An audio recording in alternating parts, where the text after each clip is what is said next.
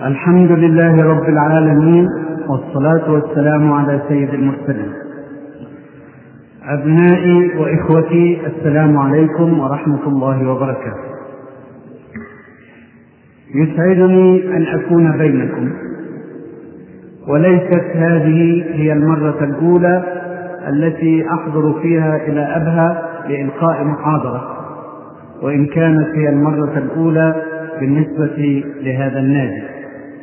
وإني لأرحب بهذه البادرة الطيبة أن تقوم النوادي الرياضية بنشاط ثقافي ذي اتجاه ديني فإن المفروض أن تكون هذه النوادي بناء للجسد والروح في آن واحد.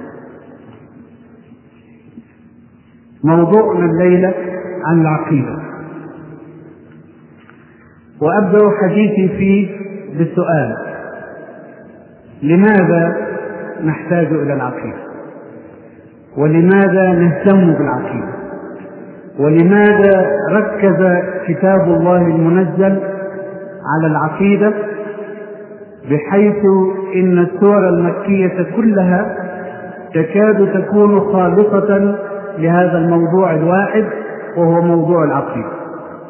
وخلال ثلاثة عشر عاما في مكة كان القرآن يتنزل في هذا الموضوع الأساسي موضوع العقيدة.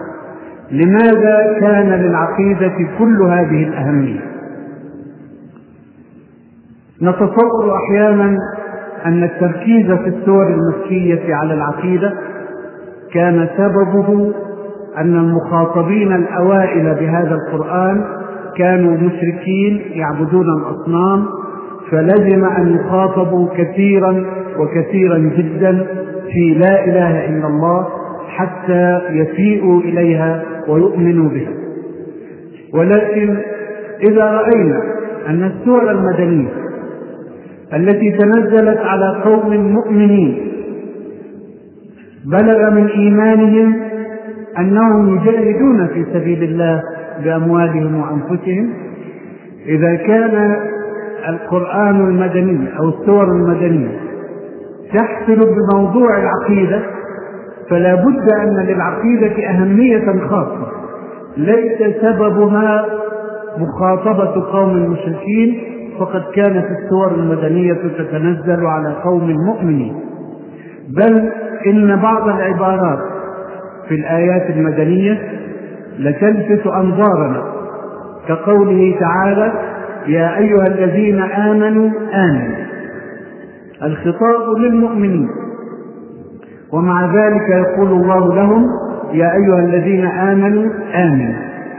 بأي شيء يؤمنون بالله وبالرسول عليه الصلاة والسلام وبالكتاب الذي نزل على رسوله وهم مؤمنون بالفعل بهذا كله لكن ليتأكد هذا المعنى وليرتخ في القلوب وليتعمق في حس المخاطبين وهم مؤمنون لماذا كل هذه الأهمية؟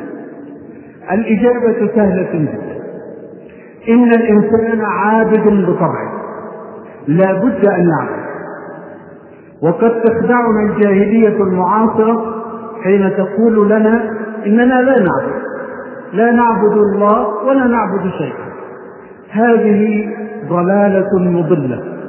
وأكذوبة لا واقع لها لا يوجد إنسان لا يعبد وإن لم يعبد شيئا على الإطلاق فهو يعبد الهوى. أفرأيت من اتخذ إلهه هوى؟ فالهوى إذا إله معبود. الفرق بين إنسان وإنسان ليس أن هذا يعبد وهذا لا يعبد. الفرق أن إنسانا يعبد الله وإنسان آخر يعبد غير الله ولا يوجد فرق إلا هذا الفرق الإنسان الذي لا يعبد شيئا على الإطلاق لا وجود له في عالم الأسوياء. إذا كان مجنون والعياذ بالله هذا شيء آخر. لكن إنسان عادي لا بد أن يكون له إله يعبد. يكون هذا الإله الله سبحانه وتعالى أو يكون غير الله معه أو من دونه وهذا هو الفارق بين أفراد البشرية فإذا كانت هذه حقيقة واقعة إذا كان الناس لابد أن يعبدوا شيئا فأي العبادة أكرم للإنسان؟ أن يعبد الله الحق الإله الحقيقي الخالق الرازق المدبر أم يعبد آلهة جاهلة؟ وتلك هي قضية العقيدة في أبسط صورة يمكن أن تقدم هو عبادة إما لله وإما لغير الله والعبادة لغير الله هي عبادة للشيطان لأنه لا يوجد معبود ثالث. يقول تعالى ألم أعهد إليكم يا بني آدم ألا تعبدوا الشيطان؟ إنه لكم عدو مبين وأن اعبدوني هذا صراط مستقيم. فالعبادة إذا عبادتان اثنتان. إما عبادة الله وإما عبادة الشيطان. ولكن عبادة الشيطان تتلبس بأمور كثيرة. فيظن الناس أنها عبادات متعددة وهي كلها من صنع الشيطان وإجابة لدعوة الشيطان. في عالمنا الحديث أو في الجاهلية المعاصرة الموجودة في الغرب والتي تزحف علينا أحيانا من خلال الغزو الفكري هنالك معبودات قد لا يظن الناس أبدا أنها معبودة ولكن لها في حس الناس مقام الرب المعبود. وأضرب مثال الدولار ما وضعه في نفوس أصحابه؟ إنه رب معبود وإن لم يكن له كنيسة وإن لم تكن له صلاة يصلى إليه لكنه يسيطر على الناس ويحركهم. ويدفعهم ذات اليمين وذات الشمال فهو رب المعبود ومع ذلك أقص عليكم هذه القصة وقد قصصتها في مناسبات كثيرة. كلما كانت لها مناسبة قصصتها لأنها في صميم الموضوع. كان أخي سيد في أمريكا مبعدا من القاهرة بأمر الحكومة ولكن في صورة بعثة تعليمية.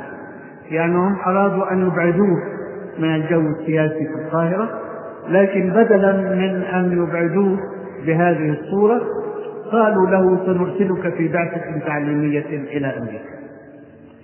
وخلال إقامته في أمريكا حدثت هذه القصة التي أرويها لكم. كان يجلس ذات يوم في حديقة عامة. فجاء إليه رجل أمريكي أبيض يتسلل تسللا حتى اقترب منه ثم سأله هل أنت أمريكي؟ قال لا. فجلس إلى جواره وقد تعجبون من السؤال ومن التصرف الذي تلا السؤال. لكن المسألة أنه لو كان السيد أمريكيا فهو إذا ملون. ولا يحق للأمريكي الأبيض أن يجالس رجلا ملونا من بني جنس أما إن كان أجنبيا فلا حرج عليه. فلما عرف أنه ليس أمريكيا جلس إلى جواره. وقال له من أين أنت إذا؟ قال أنا من مصر. قال إذا فأنت مسلم؟ قال نعم. قال حدثني عن الإسلام. فأخذ السيد بكل ما فتح الله عليه يتحدث ساعة عن الإسلام. والرجل ينصت مصغيا فهم والحق يقال ينصتون. وفي نهاية الساعة قال قد يكون كل ما قلته عن الإسلام حقا ولكن الإله الوحيد الذي أعرفه هو الدولار. All you said about Islam may be true, but the only divinity I know is the dollar. هذا نص من فم صاحبه. يقول فيه إن الدولار هو الإله الوحيد الذي يعلم وصدق رسول الله صلى الله عليه وسلم حيث يقول تعس عبد الدرهم تعس عبد الدينار. فهذا عبد الدولار وليس الدولار وحده هو الإله. فهناك آلهة كثيرة تعبد اليوم في هذه الجاهلية وإن لم تكن في حس الناس في صورة آلهة فالموضة والأزياء والرأي العام والصالح العام والإنسان وكذا والقوم والوطن ما هذه كلها في حقيقة ميزان الله؟ إنها أوثان تعبد من دون الله أو مع الله وكلاهما لا يقبله الله. إن عبد الله مع غيره أو عبد غيره من دونه فإن الله غني عن الشركاء جميعا. من هنا نلمس قيمة العقيدة. العقيدة التي تقول لا إله إلا الله. إنها شيء ضخم جدا في حياة الإنسان. إنها ليست الكلمة. وقد أصبح في حس كثير منا في أجيالنا المتأخرة أن العقيدة هي الكلمة والكلمة مطلوبة لا شك ولا يتم إسلام مسلم دون أن يقر بهذه الكلمة وينطق بها. ولكن لو أنها الكلمة وحدها لو أنه الإقرار اللساني بأنه لا إله إلا الله وأن محمدا رسول الله لو أن الأمر هكذا ما أظن أن قريشا كانت تحارب رسول الله صلى الله عليه وسلم تلك الحرب العنيدة من أجل كلمة. لو أنها مجرد كلمة ليس لها مقتضى ليس لها متطلبات. لو أن الإنسان كان يمكن أن يقول لا إله إلا الله ثم يعود في صبيحة يومه التالي فيعبد الأصنام كما كان. لو أنه كان يقول لا إله إلا الله ثم يمارس أخلاق الجاهلية لو أنه كان يقول لا إله إلا الله ويتحاكم إلى عرف الجاهلية ما حاربت قريش محمدا عليه الصلاة والسلام. كانت القبيلة التي يولد فيها شاعر تتيه على بقية القبائل وتقول ولد عندنا شاعر. فما بال القبيلة التي يولد فيها نبي؟ كيف يكون فقرها على بقية القبائل. ولكن قريشا تركت هذا الشرف هذا الفخر الذي يمكن أن تفاخر به كل قبائل الجزيرة بل كل الدنيا بأجمعها تركته بل واجهته بعناد وإصرار وحرب لا هوادة فيه أفمن أجل الكلمة؟ أم من أجل مقتضى الكلمة؟ أم من أجل ما تفعله هذه الكلمة في حياة الناس هذا هو الذي جعل قريشا تقف هذا الموقف العنيف وتظل تقاتل حتى غلبت على أمرها وآمن من آمن وقتل على كفره من قتل وكان أمر الله مفعولا إنها كلمة ذات مقتضيات. بل إن مقتضاها هو الإسلام كله. الإسلام كله في لا إله إلا الله محمد رسول الله. ولكن لا نتعجل الحديث. فلنمضي خطوة خطوة مع لا إله إلا الله محمد رسول الله. ماذا تعني وماذا تفعل في القلب؟ وماذا تغير من سلوك الناس؟ ما الفرق بين وجودها وعدمها؟ ما الفرق بين مؤمن بها وغير مؤمن؟ وأقصد الإيمان الحق لا الكلمة التي تنطق باللسان والقلب غافل عن مقتضياتها والسلوك مخالف لما تقتضيه. أقصد الإيمان الحقيقي الذي جاء به محمد صلى الله عليه وسلم وعلمه أصحابه الكرام رضوان الله عليهم وتبعته الأجيال جيلا وراء جيل. تهتدي بهديه عليه الصلاة والسلام وتلتزم بما أمرهم به. أول معاني لا إله إلا الله المأخوذ من المعنى اللغوي مباشرة أنه لا إله في هذا الكون إلا الله سبحانه وتعالى. أي لا معبود لا خالق لا رازق لا مدبر لا مهيمن إلا الله سبحانه وتعالى. ما مقتضى هذا أول مقتضيات. أول مقتضياته هو نفي الألوهية والربوبية عن كل شيء سوى الله سبحانه وتعالى. والآلهة كما بينت لكم كثيرة معبودة. إما في صورة معبود حسي يصلى له ويذبح له وينحر له ويدعى ويدعو يدعى بمعنى يتضرع إليه أو في صورة أرباب معنوية مثل الدولار ومثل الموضة ومثل الرأي العام ومثل كذا وكذا مما سردنا أمثلة منه. حين نقول لا إله إلا الله فأول معنى أن هذه الأرباب كلها لا وجود لها. نفي الألوهية والربوبية عن كل شيء سوى الله سبحانه وتعالى. ولنأخذ مثالا من الجاهلية الأولى ونرجع إلى الجاهلية المعاصرة لنرى الأثر الذي تحدثه لا إله إلا الله في نفس قائلها المؤمن بها إيمانا حقيقيا لا الذي ينطقها بلسانه مجرد نطق. كانت في الجاهلية العربية أرباب عدة وإن كانت الكتب التي نقرأها في مدارسنا تركز تركيزا شديدا على الأصنام. حقا لقد كانت الأصنام أربابا معبودة ولكن ليس صحيحا أنها كانت الأرباب الوحيدة المعبودة في تلك الجاهلية انظروا إلى قول الشاعر الذي يقول وهل أنا إلا من غزية إن غوت غويت. وإن ترشد غزية أرشد. ما دلالة هذه المقالة؟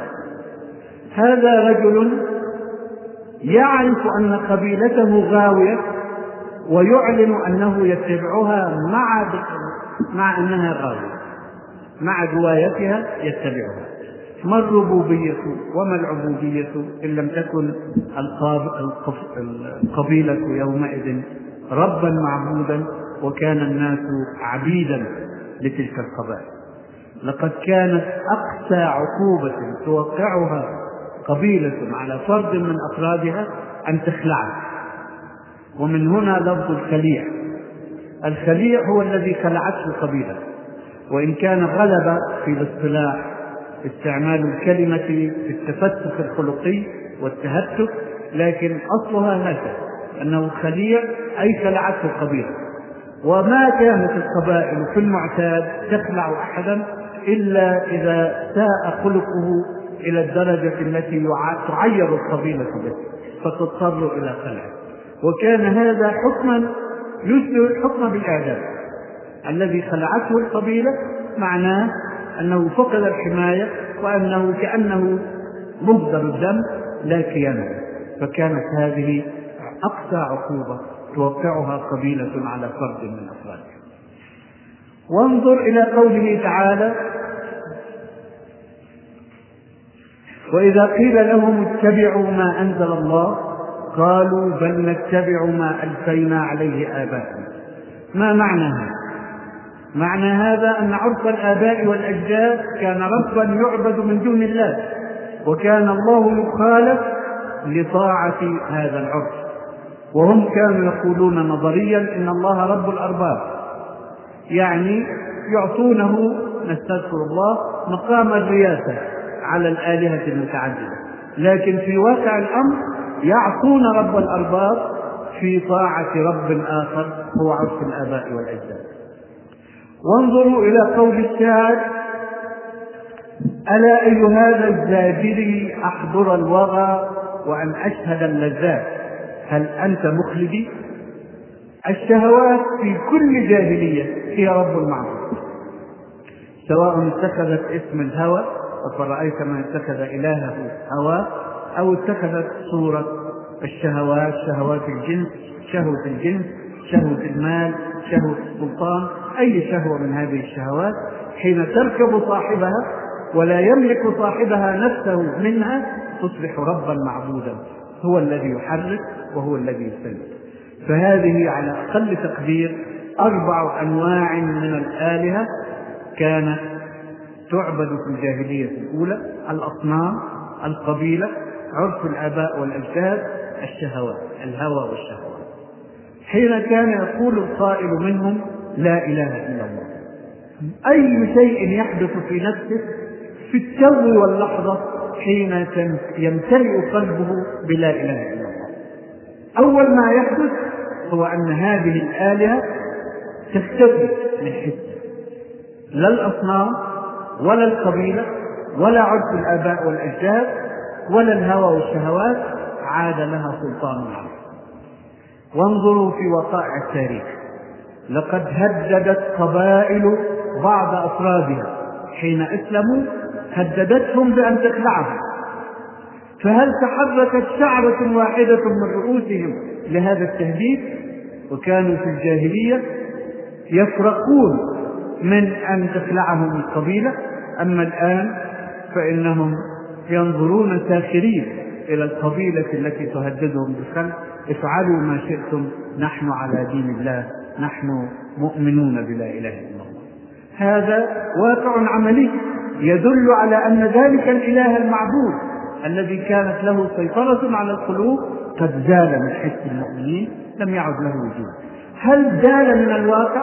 لا هو موجود في الواقع. القبيلة ما تزال قائمة والأصنام ما تزال قائمة عرف الآباء والأجداد ما زال قائما لكن لم يعد له سلطان لم يعد له سيطرة لم يعد له أدنى تأثير على حس المؤمن الذي قال لا إله إلا الله. وشهد لرسوله صلى الله عليه وسلم. إذا أردنا أن ننتقل من الجاهلية القديمة إلى الجاهلية المعاصرة التي تعددت الأرباب فيها التي تعبد في مخالفة الله سبحانه وتعالى.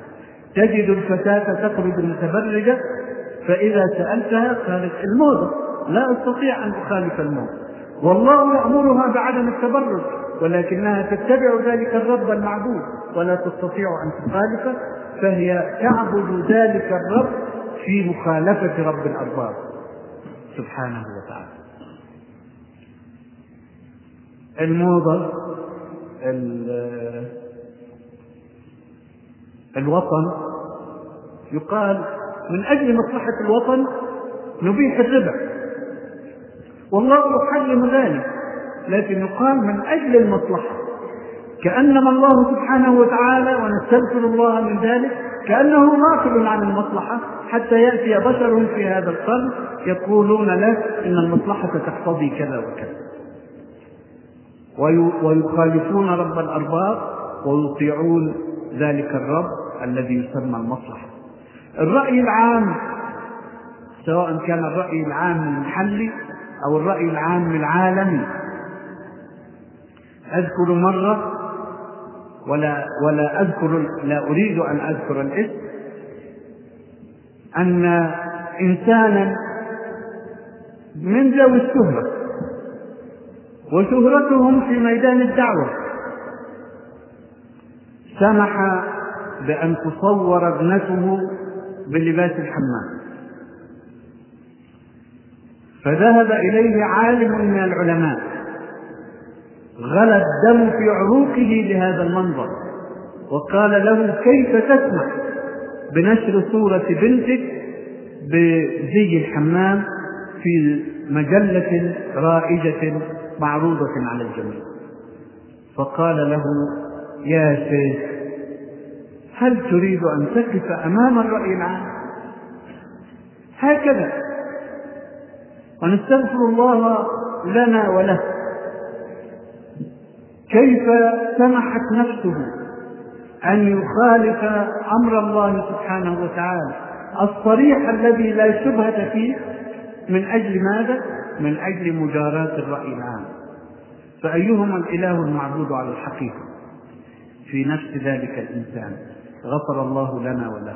أهو الله سبحانه وتعالى أم ذلك الرب الذي يسمى الرأي العام؟ فإذا اتسع الرأي العام وصار الرأي العام العالمي صار له ثقل أكبر في نفوس الناس. ويجيء قوم يكتبون كتبا ويدعون دعوات يقولون الجهاد في الإسلام جهاد دفاعي فقط. ولا يجاهد المسلمون إلا إذا اعتدي عليهم. لكن لا يبدأون أبدا. بالحرب وبالجهاد. فإذا سألتهم يقولون يا شيخ الرأي العام العالمي يستنكر هذا. فكيف تواجه الرأي العام العالمي والنصوص القرآن وواقع المسلمين هل فارس كانت اعتدت على المسلمين حين أمر أمير المؤمنين بقتال فارس هل كانت مصر قد اعتدت على المسلمين حين أمر خليفة رسول الله صلى الله عليه وسلم بفتح مصر ما كانت قد حدث عدوان على المسلمين يومئذ. أم يقولون إن هذا كان زمان ولم يعد له وجود اليوم لأن الرأي العالمي يستنكر. الرأي العالمي الذي يستنكر رأي صليبي صهيوني حاقد على الإسلام. وهو يعلم الحقيقة الذين آتيناهم الكتاب يعرفونه كما يعرفون أبنائهم.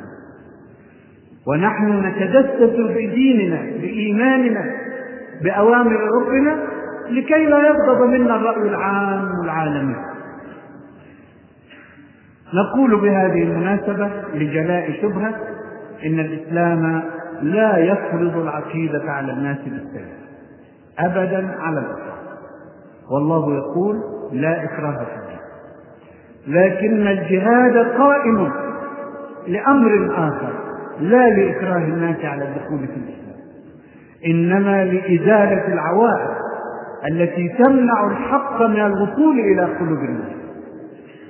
متمثلة في حكومات جاهلية وأنظمة جاهلية وجيوش جاهلية تدافع عن تلك الدول وعن تلك الأنظمة وتلك التي أمر الإسلام بإزالتها من الأرض. ثم يترك الناس احرارا بعد ذلك. من شاء أن يدخل في دين الله فليدخل ومن شاء أن يبقى على عقيدته فليبقى. ولقد فتح المسلمون مصر وما زال نصارى في مصر حتى هذه اللحظة. ولو كان الإسلام يكرم غيره عليه على عقيدته ما بقي قبطي واحد في مصر. ودخل الإسلام الهند وحكمها ثمانية قرون. وما زال المجوس أو الوثنيون وثنيين إلى هذه اللحظة ولو كان الإسلام يكره غير أهله على عقيدته ما بقي وثني واحد فيه. لكن الله يأمر بالجهاد لإزالة القوى المعيقة إزالة العوائق. وأعداؤنا يعلمون هذا جيدا. لماذا ازالوا الدولة الإسلامية؟ لأنهم يعلمون أن الإسلام بدولة غير الإسلام بغير دولة. الإسلام بدولة ممكن في الأرض. ثقيل الوقع في حس الناس. ولكن إذا أزيلت دولته خف في حس الناس. ولم تعد كلمة الحق تصل إلى القلوب بثقلها الحقيقي لأنها بلا دولة. والذي فعله الأعداء في دولة الإسلام ظلما وعدوانا هو الذي يأمر الله بفعله في دول الباطل. يقول أزيلوا دول الباطل. لكي لا يكون هناك عائق يفصل بين الناس وبين العقيدة. ثم هم أحرار بعد ذلك. إذا شاءوا أن يدخلوا فمرحبا بهم وإذا لم يدخلوا فحسابهم عند الله في الآخرة. ولكن نتدسس اليوم بعقيدتنا وبأوامر ربنا مخافة ذلك الرب وهو الرأي العام العام. آلهة كثيرة تغيب من الحس تماما حين يؤمن الإنسان بلا إله إلا الله الإيمان الحقيقي تذهب هذه الأرباب. تذوب تختفي كالأشباح ويبقى إله واحد. هو الحي الباقي هو القيوم هو الإله الحقيقي الذي ينبغي أن يعبد وينبغي أن يطاع وينبغي أن يتبع. هذا أول أثر من آثار الإيمان بلا إله إلا الله. زوال تلك الأرباب الزائدة وماذا ينتج من زوال تلك الأرباب؟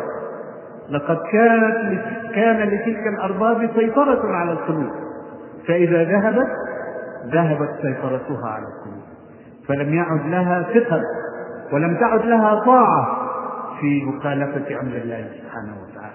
وأصبح المطاع هو الله وأصبح المتبع هو شريعة الله وأصبح المنهج هو المنهج الرباني وشتان بين إنسان أو قوم أو شعب أو أمة يتبعون منهج الله وفرد أو جماعة أو دولة أو أمة تتبع منهج الشيطان.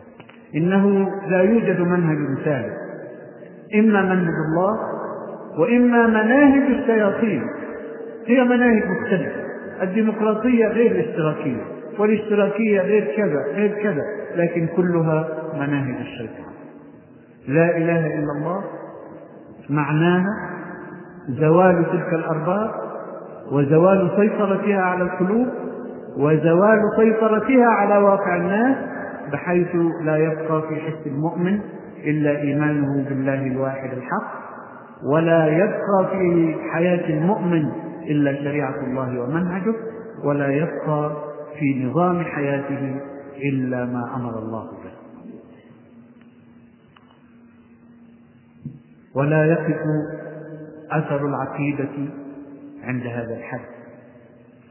زوال الأرباب وزوال سيطرتها وتشكيلها لواقع الناس فإن للا إله إلا الله أخلاقا. نطلق عليها أخلاقيات لا إله إلا الله. ولا نأتي بهذا من عندنا. فإن الله يقول سبحانه قد أفلح المؤمنون الذين هم كذا وكذا وكذا وكذا. فهي مرتبطة إذا بالإيمان. هذه صفات المؤمنين. هذه أخلاق المؤمنين. وعباد الرحمن أي عباده الذين آمنوا به وعبدوه وعباد الرحمن الذين يمشون على الأرض هونا وإذا خاطبهم الجاهلون قالوا سلاما إلى قوله تعالى آه، يجزون الغرفة بما صبروا ويلقون فيها تحية وسلاما خالدين فيها حسنت مستقرا ومقاما. هذه الآيات وكثير غيرها في كتاب الله تجمع أخلاقيات لا إله إلا الله أخلاقيات الإيمان لأن للإيمان أخلاقا. ليس مجرد وجدان يحل في ذات القلب وليس مجرد نظام تشريعي يطاع إنما هو أيضا أخلاقيات. تحكم سلوك الفرد. تحكم سلوك الفرد تجاه ربه تحكم سلوك الفرد إزاء المؤمنين. تحكم سلوك الفرد إزاء نفسه. تحكم سلوكه إزاء كل شيء في هذا الكون. كلها مستمدة من لا إله إلا الله محمد رسول الله. انظر إلى هذه الآيات في سورة الرعد أعوذ بالله من الشيطان الرجيم. أفمن يعلم أن ما أنزل إليك من ربك الحق كمن هو أعمى؟ إنما يتذكر أولو الألباب. من هم أولو الألباب؟ أولئك المؤمنون الذين آمنوا بأن ما أنزل على رسول الله صلى الله عليه وسلم هو الحق. ما وصفهم في كتاب الله؟ الذين يوفون بعهد الله ولا ينقضون الميثاق. والذين يصلون ما أمر الله به أن يوصل ويخشون ربهم ويخافون سوء الحساب. والذين صبروا ابتغاء وجه ربهم وأقاموا الصلاة وأنفقوا وأنفقوا مما رزقناهم سرا وعلانية ويدرؤون بالحسنة السيئة. أولئك لهم عقبى الدار جنات عدن يدخلونها ومن صلح من آبائهم وأزواجهم وذرياتهم والملائكة يدخلون عليهم من كل باب سلام عليكم بما صبرتم فنعم عقبى الدار. إنها أخلاقيات. انبثقت كلها من لا إله إلا الله. انبثقت كلها من الإيمان بأن ما أنزل على رسول الله صلى الله عليه وسلم هو الحق. وتبدأ هذه الأخلاقيات بخلق عظيم جدا شامل لغيره من الأخلاقيات. الذين يوفون بعهد الله ولا ينقضون الميثاق. أي عهد هو؟ لم تحدد الآية أي عهد. فيدخل فيها ميثاق الفطرة. وإذ أخذ الله من بني آدم من ظهورهم ذريتهم وأشهدهم على أنفسهم. ألست بربكم؟ قالوا بلى شهدنا ويدخل فيها ميثاق المؤمنين. وميثاقه الذي واثقكم به إذ قلتم سمعنا وأطعنا. يدخل هذا الميثاق أو ذاك أو كلاهما الذين يوفون بعهد الله ولا ينقضون الميثاق.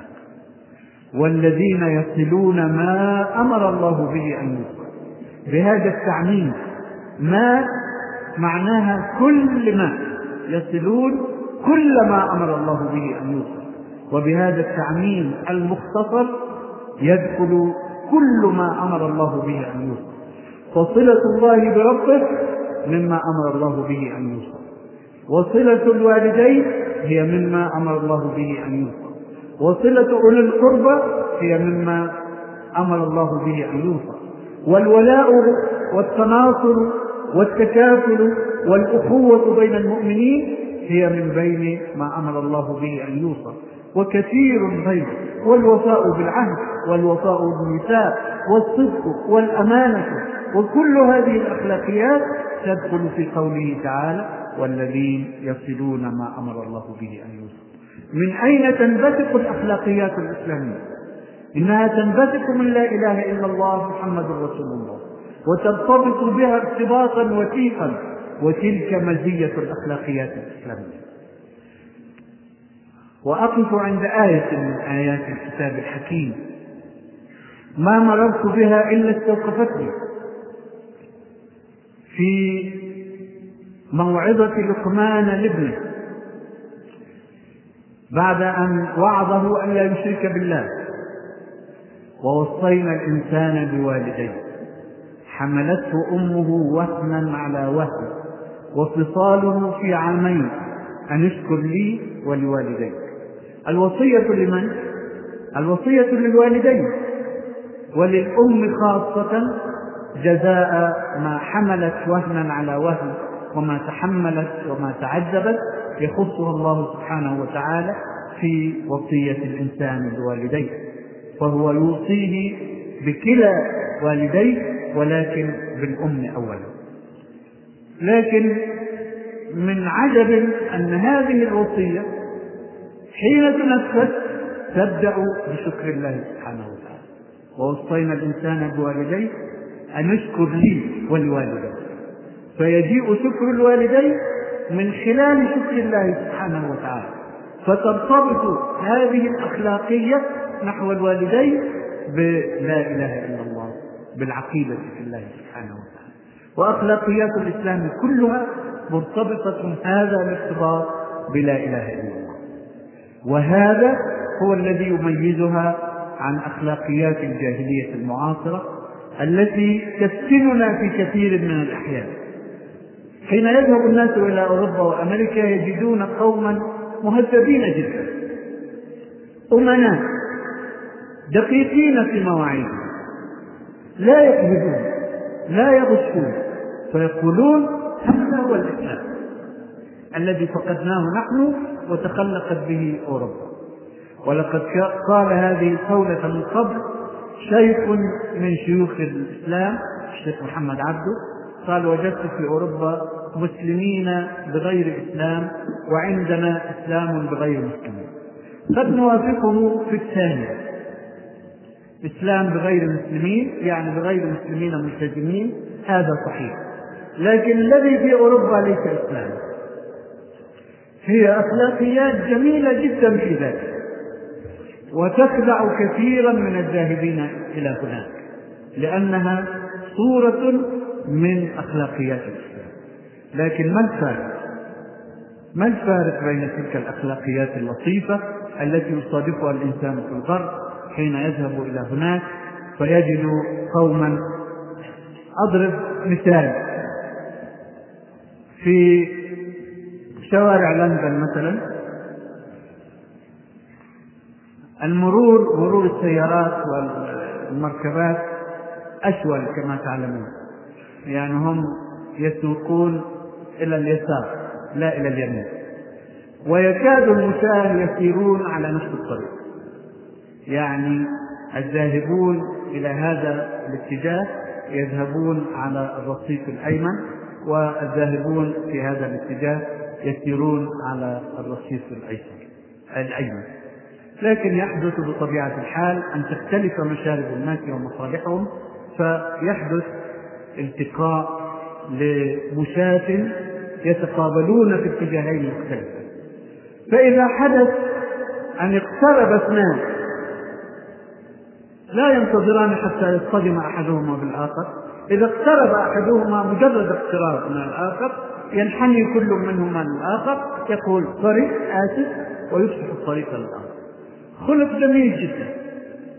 إذا قارناه بما يحدث في بعض بلادنا التي كانت يجب أن تلتزم بالأخلاق الإسلامية. تجد الصدام يحدث وتجد الشجار يبدأ بعد الصدام ما تحاسب ما تفتح ورجا بعيد أعمى. كذلك هم مهذبون ولكن هذان الشخصان اللذان انحنى كل منهما للآخر تأدبا وتلطفا واعتذر له. هل يهتم أحدهما بالآخر ثانية واحدة لا أقول دقيقة لا أقول ساعة. هل يترك عمله مثلا لإغاثة واحد؟ هل يخسر كذا جنيه أو كذا دولار في أمريكا؟ من أجل إنسان وقع في ورطة يساعده لوجه الله؟ لا لأن الرباط الإنساني غير قائم إنما هي أخلاقيات ظاهرية لطيفة. تعلمون من الذي علم أوروبا هذه الأخلاقيات؟ صدقوني ولا تعجبوا. إنه التاجر اليهودي الذكي الذي يحب أن يستديم الزبون فيتلطف إليه ويصدق معه ولا يبثه في البضاعة لا لوجه الله لكن ليعود ويعود ويعود فيستدين الرزق. وأقارن مرة أخرى بتجار عندنا ولا بد أن نصالح أنفسنا بواقعنا لنغيره لنعود إلى أخلاقيات لا إله إلا الله. كثير من التجار همهم أن يستفرغوا ما في جيب الزبون وإن شاء الله ما رجع مرة لكن ذلك التاجر اليهودي الذكي يتلطف ويصدق ويتحبب إلى الزبون بالأخلاق الفاضلة لكي يجيء إليه الزبون مرة ومرة. فهي أخلاقيات نفعية وهم أنفسهم يقولون ذلك. ما الفرق بين الأخلاقيات النفعية وأخلاقيات لا إله إلا الله؟ أخلاقيات لا إله إلا الله صادقة لا تتغير ولا تتحول لأنها موجهة إلى الله الذي لا يتغير ولا يتحول. لكن تلك الأخلاقيات النفعية مرهونة بمقدار ما يجيء عنها من النفع. فإذا وجد طريق للنفع بلا أخلاقيات لم يتردد أولئك القوم أبدا أن يسلكوه وانظروا إلى الأوروبي المستعمر. ما أخلاقيات أين ذهبت أخلاقياته التي يعيش بها في أوروبا؟ أين ذهب الصدق؟ أين ذهب اللطف؟ أين ذهبت الأمانة؟ ما الذي استبدل بها؟ الغش والخداع والتضليل والسرقة والنهب والغصب والإجرام. هذه أخلاقيات نفس الشخص. الذي تراه لطيفا مهذبا في مكان ما تجده على النقيض في مكان آخر. هنا يبحث عن المصلحة وهنا يبحث عن المصلحة. فالمصلحة هي راغبة هي الوطن الذي يعبده. هي الإله الذي يتقرب إليه. وعلى مقتضى هوى ذلك الإله يسلك فإذا كان الإله يريد منه أن يتلطف ويتهذب فإنه يتلطف ويتهذب. وإذا كان الإله يريد منه كما بل الشيطان كما يريد الشيطان من الروس الذين يحاربون الأفغان فإنه يفعل ويرتكب أبشع الجرائم التي تصل بالحقد في داخل النفوس إلى درجة تشويه جثث الشهداء.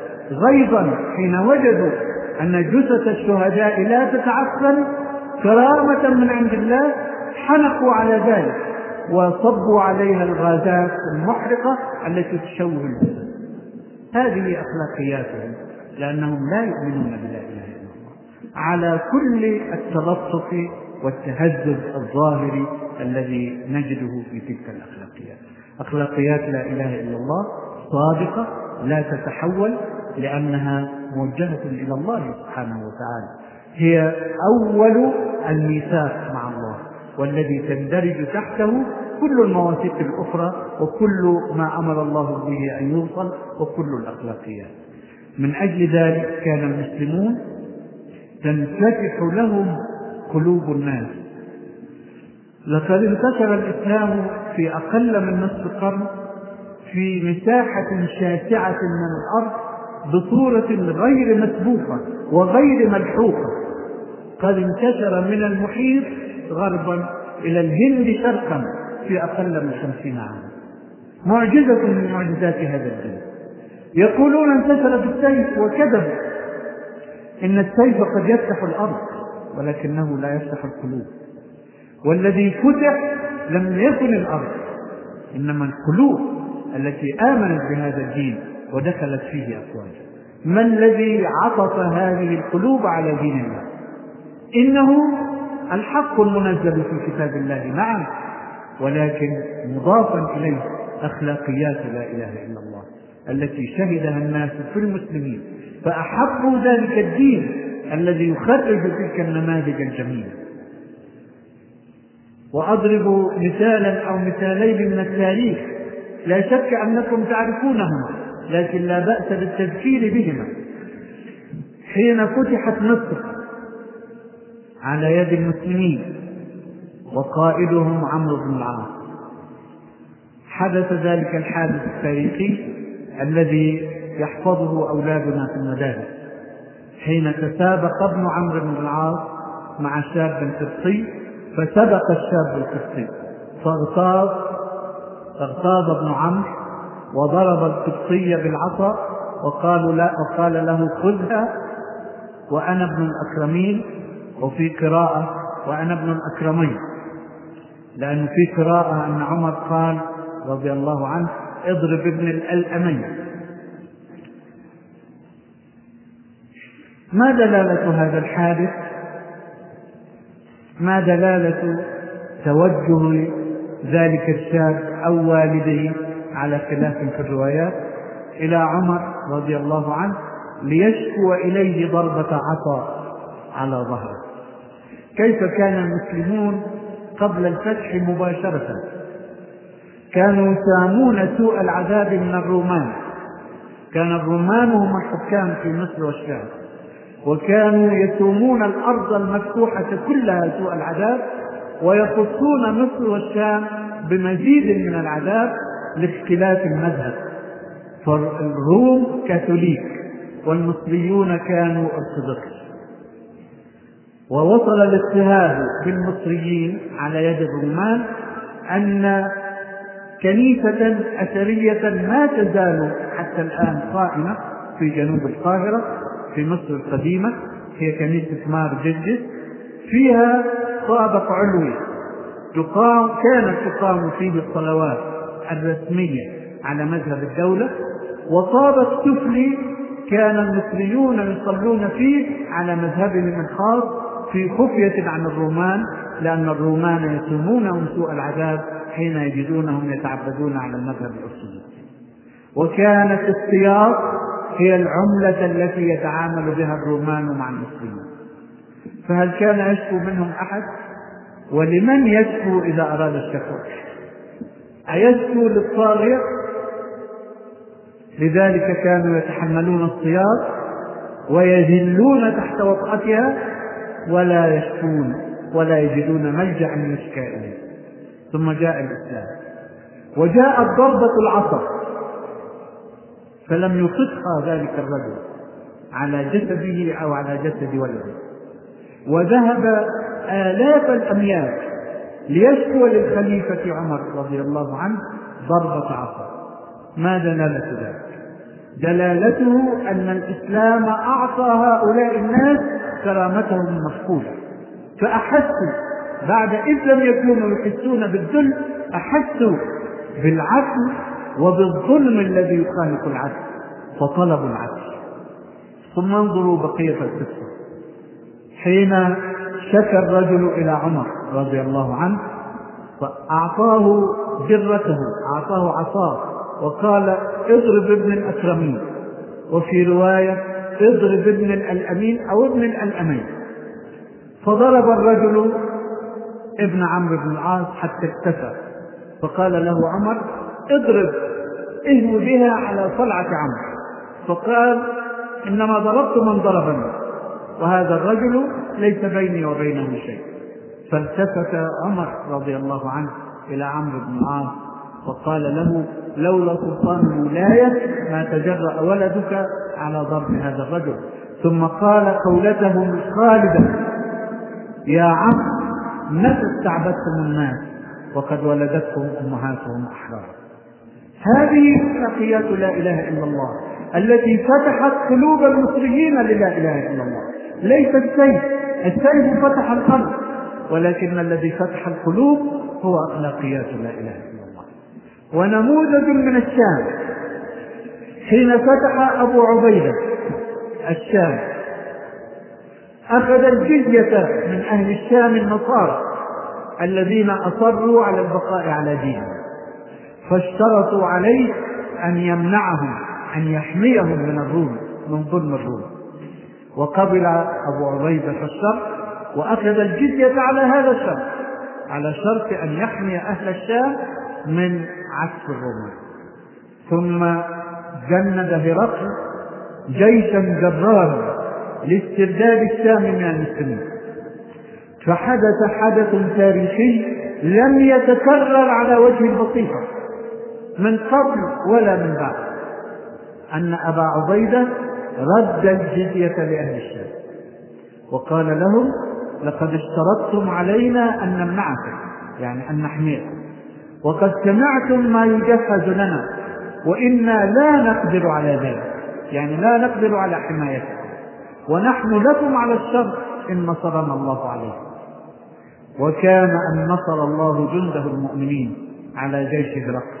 فعاد الناس ليس فقط يدفعون الجزية بل يدخل منهم من يدخل في دين الله أفواجا إعجابا بأخلاقيات لا إله إلا الله. فرحا بذلك الدين الذي ينشئ تلك الأخلاقيات والذي يخرج تلك النماذج التي رأوها ومارسوا التعامل معها وإنكم لتعلمون أن الإسلام قد انتشر في بقاع واسعة من الأرض شرق الهند كله أندونيسيا وغيرها. وأفريقيا جنوب خط الصحراء بغير كتاب إنما بأخلاقيات لا إله إلا الله. ومن عجب أنه في أندونيسيا لم يكن الذين ذهبوا إلى هناك كلهم دعاة بل كانوا فجار كان الحضارمة يتاجرون مع أندونيسيا يذهبون إلى هناك بسمت الإسلام ونظافة الإسلام وطهر الإسلام وأخلاقيات الإسلام. فدخل الناس في ذلك الدين حبا في تلك الأخلاقيات. هذه أخلاقيات لا إله إلا الله. وهي من آثار تلك العقيدة عقيدة لا إله إلا الله محمد رسول الله الالتزام بهذه الأخلاقيات. لا أحتاج أن أتحدث عن خشية الله وعن التوجه إلى الله وعن صدق الإيمان كل هذه من آثار العقيدة في النفوس. إنما التفت لفتة إلى واقعنا المعاصر. إن على وجه البسيطة اليوم ألف مليون من البشر يقولون لا إله إلا الله محمد رسول الله. ولكن مع الأسف ليسوا هؤلاء هم الذين يأخذونها بصدق وبإيمان كما نزلت من عند الله وكما علمها رسول الله صلى الله عليه وسلم لأصحابه الكرام وتبعته فيها أجيال وراء أجيال. إنما كثير منهم إلا من رحم ربك يقول بلسانه وقلبه غافل عن مقتضياته. وسلوكه مضاد لما توجبه عليه لا إله إلا الله. لذلك فهذا هو الغثاء الذي حدثنا عنه رسول الله صلى الله عليه وسلم منذرا هذه الأمة بمصيرها الذي وقعت فيه حين قال عليه الصلاة والسلام يوشك أن تداعى عليكم الأمم كما تداعى الأكلة إلى قطعتها قالوا أمن قلة نحن يومئذ يا رسول الله؟ قال بل أنتم يومئذ كثير ولكنكم غثاء السيل كثير ألف مليون. عدد ضخم جدا. لكن ما وزنه؟ ما وزنه فيما يسمى المحافل الدولية. كان شاعر من الشعراء القدامى يهجو قبيلة تيم فيقول ويقضى الأمر حين تغيب تيم ولا يستأذنون وهم شهود. وما أشبه هذا الوصف بواقع المسلمين اليوم. تقضى القضايا والمسلمون غائبون ولا يستأذنون وهم شهود. هم شهود في مجلس الأمن وشهود في جمعية الأمم وشهود في ما يسمى المحافل الدولية. وإسرائيل تغتال وأفغانستان تغتال لولا صحوة المسلمين المجاهدين الذين ندعو الله ليل نهار أن ينصرهم ويثبت أقدامهم؟ والفلبين تغتال وإريتريا تغتال وجنوب السودان يغتال وبقاع كثيرة في الأرض يغتال المسلمون فيها اغتيالا. ونحن شهود في المحافل الدولية لماذا؟ هل تغيرت لا إله إلا الله؟ هل تغيرت من حيث هي كلمات؟ من حيث هي أصوات تخرج من الفم هل تغيرت عما كان ينطق ذلك الجيل الأول رضوان الله عليه؟ بل هي ذات الألفاظ هي ذات الأصوات التي تخرج من الفم لكن شتان شتان كان الرجل يقولها وكانت المرأة تقولها مؤمنين بها مصدقين. ممارسين لمقتضياتها في عالم الواقع فكانت تهز الأرض. كانت أمة لا إله إلا الله هي الأمة. كما وعد الله في كتابه ووعد الله لا يتخلف. وعد الله الذين آمنوا منكم وعملوا الصالحات لا يستخلفنهم في الأرض كما استخلف الذين من قبلهم وليمكنن لهم دينهم الذي ارتضى لهم. وليبدلنهم من بعد خوفهم أمنا يعبدونني لا يشركون بي شيئا. كانت لا إله إلا الله على حقيقتها في قلوب أولئك الناس وفي سلوكهم الواقعي فكانت أمة محمد صلى الله عليه وسلم هي الأمة في الأرض. هي القوة السياسية هي القوة الحربية هي القوة الاقتصادية هي القوة العلمية هي القوة الحضارية هي القوة الأخلاقية. وكان العالم كله يحمل وكان العالم كله في ظلام حتى تفتح على النور الإسلامي ما الذي تغير؟